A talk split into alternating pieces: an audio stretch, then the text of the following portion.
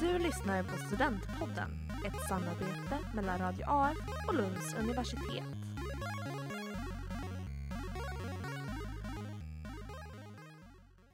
Hej och välkomna till Lunds universitets Studentpodden. Mitt namn är Johanna Molin. Idag ska vi prata om hur det är att gå från gymnasiet till universitetet. Och med oss idag har vi Gustav och Lisa. Ja, Ja, hej! Hej! Välkomna hit. tack så mycket. Tackar. Vad pluggar ni för något?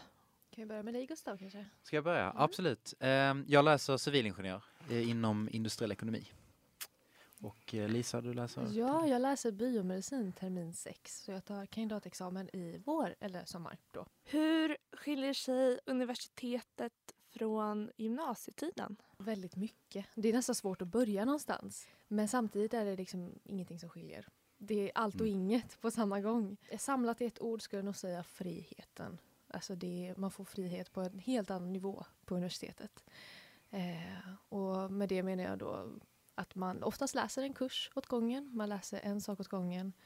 Till skillnad från gymnasiet när man läste liksom åtta ämnen på en och samma gång. Nu vet jag inte om det är så på alla utbildningar. Hur är det för dig Gustav?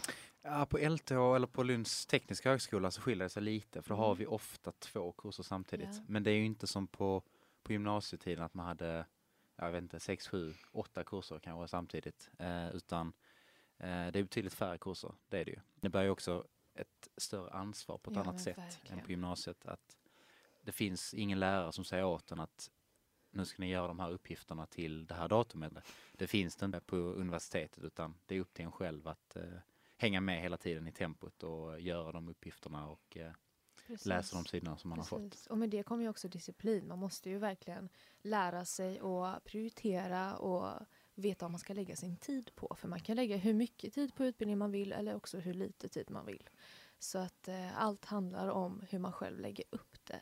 Så det, det, jag har i alla fall nästan ingenting schemalagt per vecka. Det är, vad är det, tre kanske föreläsningar, någon labb då och då. Men sen är det oftast egen studietid och den bestämmer bara du över. Och på LTH då är det lite annorlunda, påminner lite mer om gymnasiet att det är mycket schemalagd tid. Ehm, och eh, ofta är det svårt att få in eget, egna, eget plugg så att säga, eget läsande. Ehm, men det är ju så även om man har lite mindre föreläsningar då så det innebär ju inte det att dagarna är kortare utan då är det ju mycket mer egna studier. Nej Ehm, precis, precis. så att det skiljer sig mycket från fakultet och, Mm. och utbildning. En annan sak som jag kommer på rakt av är ju också klasserna. Oftast har man mycket större klasser än vad man eh, kanske är van vid. Eh, skiljer från program till program såklart, från kurs till kurs. Men eh, vet, läkarstudenterna är väl kanske 100-120 per klass. Hur många är ni i klass? Eh, vi är lite färre, jag tror vi är runt 90. Mm. Eh, men det skiljer sig från, jag vet inte vad det var i gymnasiet, en klass på 30, 30, kanske. ja. Ja, exakt. Eh, och det är väl vanligare ju högre, eller ju längre man har kommit i utbildningen att klasserna blir mindre. Men i början är det ju väldigt stora Väldigt klasser många, på, ja. eh, på de flesta utbildningarna. Många att lära känna. Jag vet ekonomerna är väl eh, över 200 tror jag, Åh, när de startar. herregud, wow. Ehm, så det, Det många. det är ganska många, ja precis. Ja, Ehm, ja så att det, klasserna är ju större generellt sett. Om vi går in lite på studieteknik igen.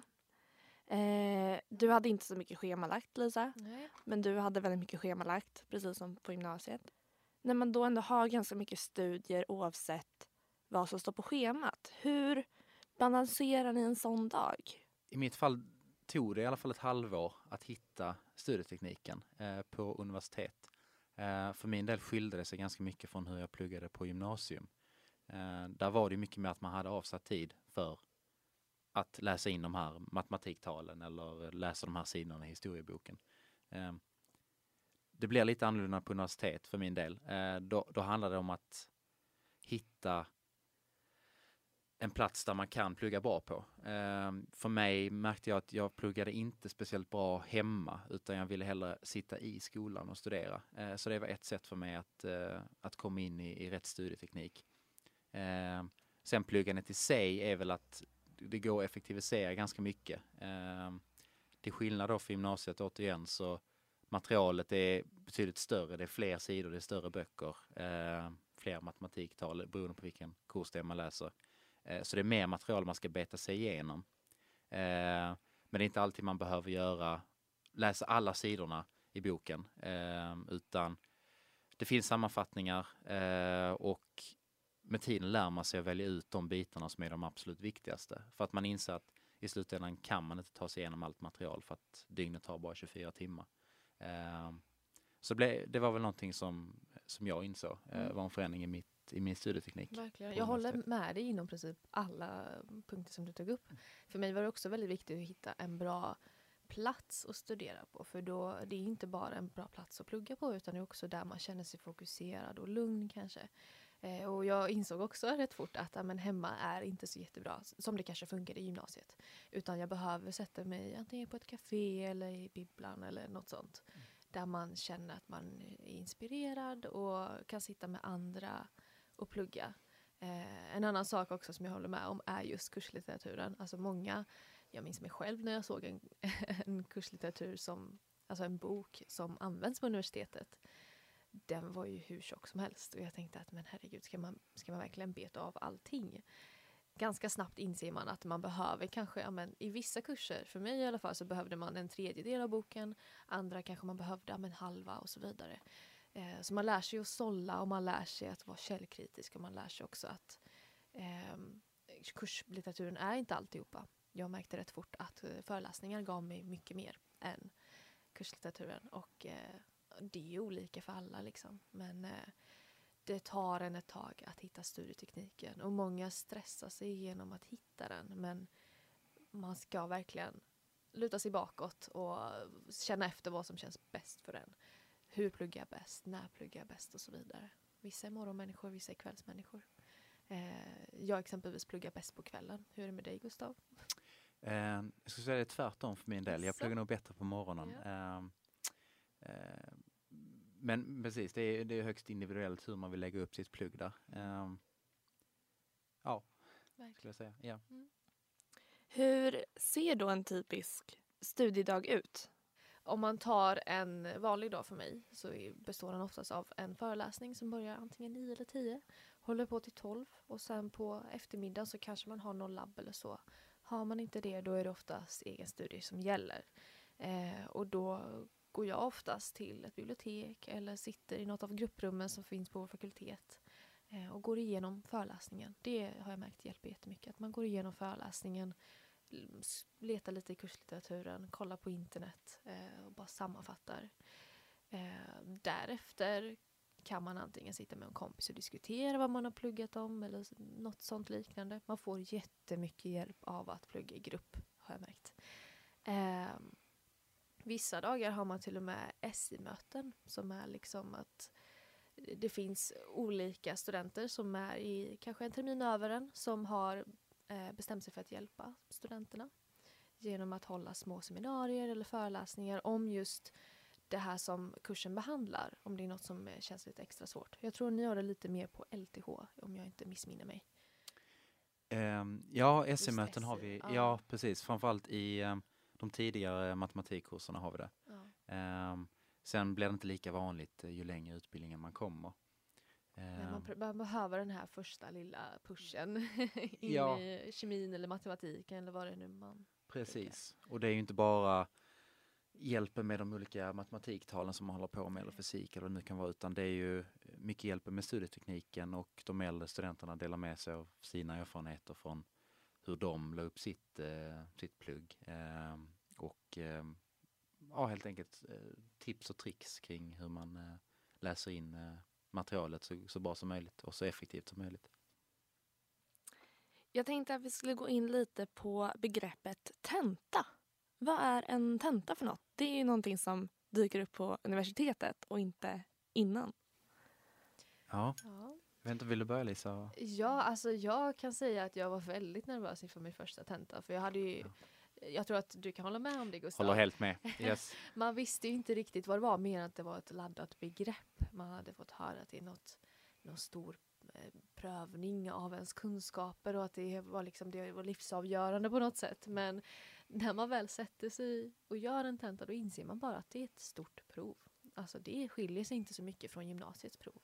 Det är bara det att man får eh, något som kallas för eh, högskolepoäng för en skriven tenta, ett visst antal högskolepoäng som då kan räknas in i ens examen eller ens eh, program eller vad det nu kan vara.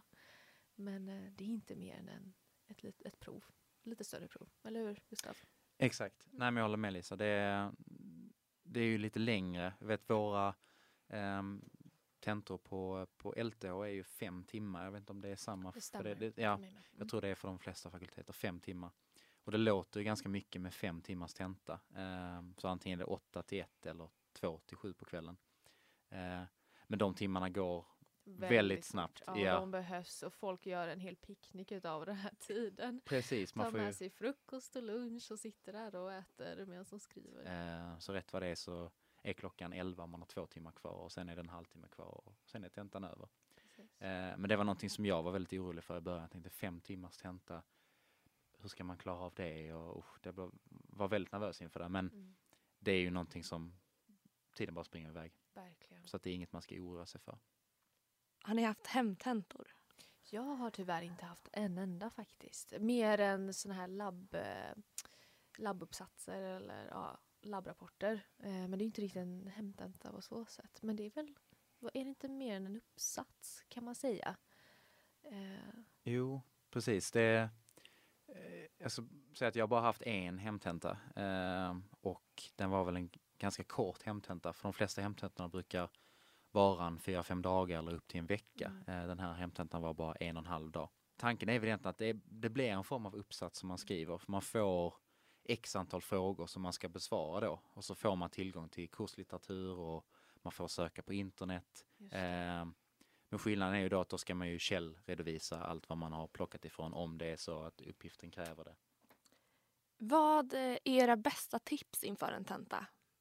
Jag tycker att personligen att den sista dagen, alltså dagen innan tentan, är den viktigaste dagen. Det är verkligen A och O för mig. Eh, främst i den bemärkelsen att man ska eh, inte plugga för sent, hur oförberedd man än må vara.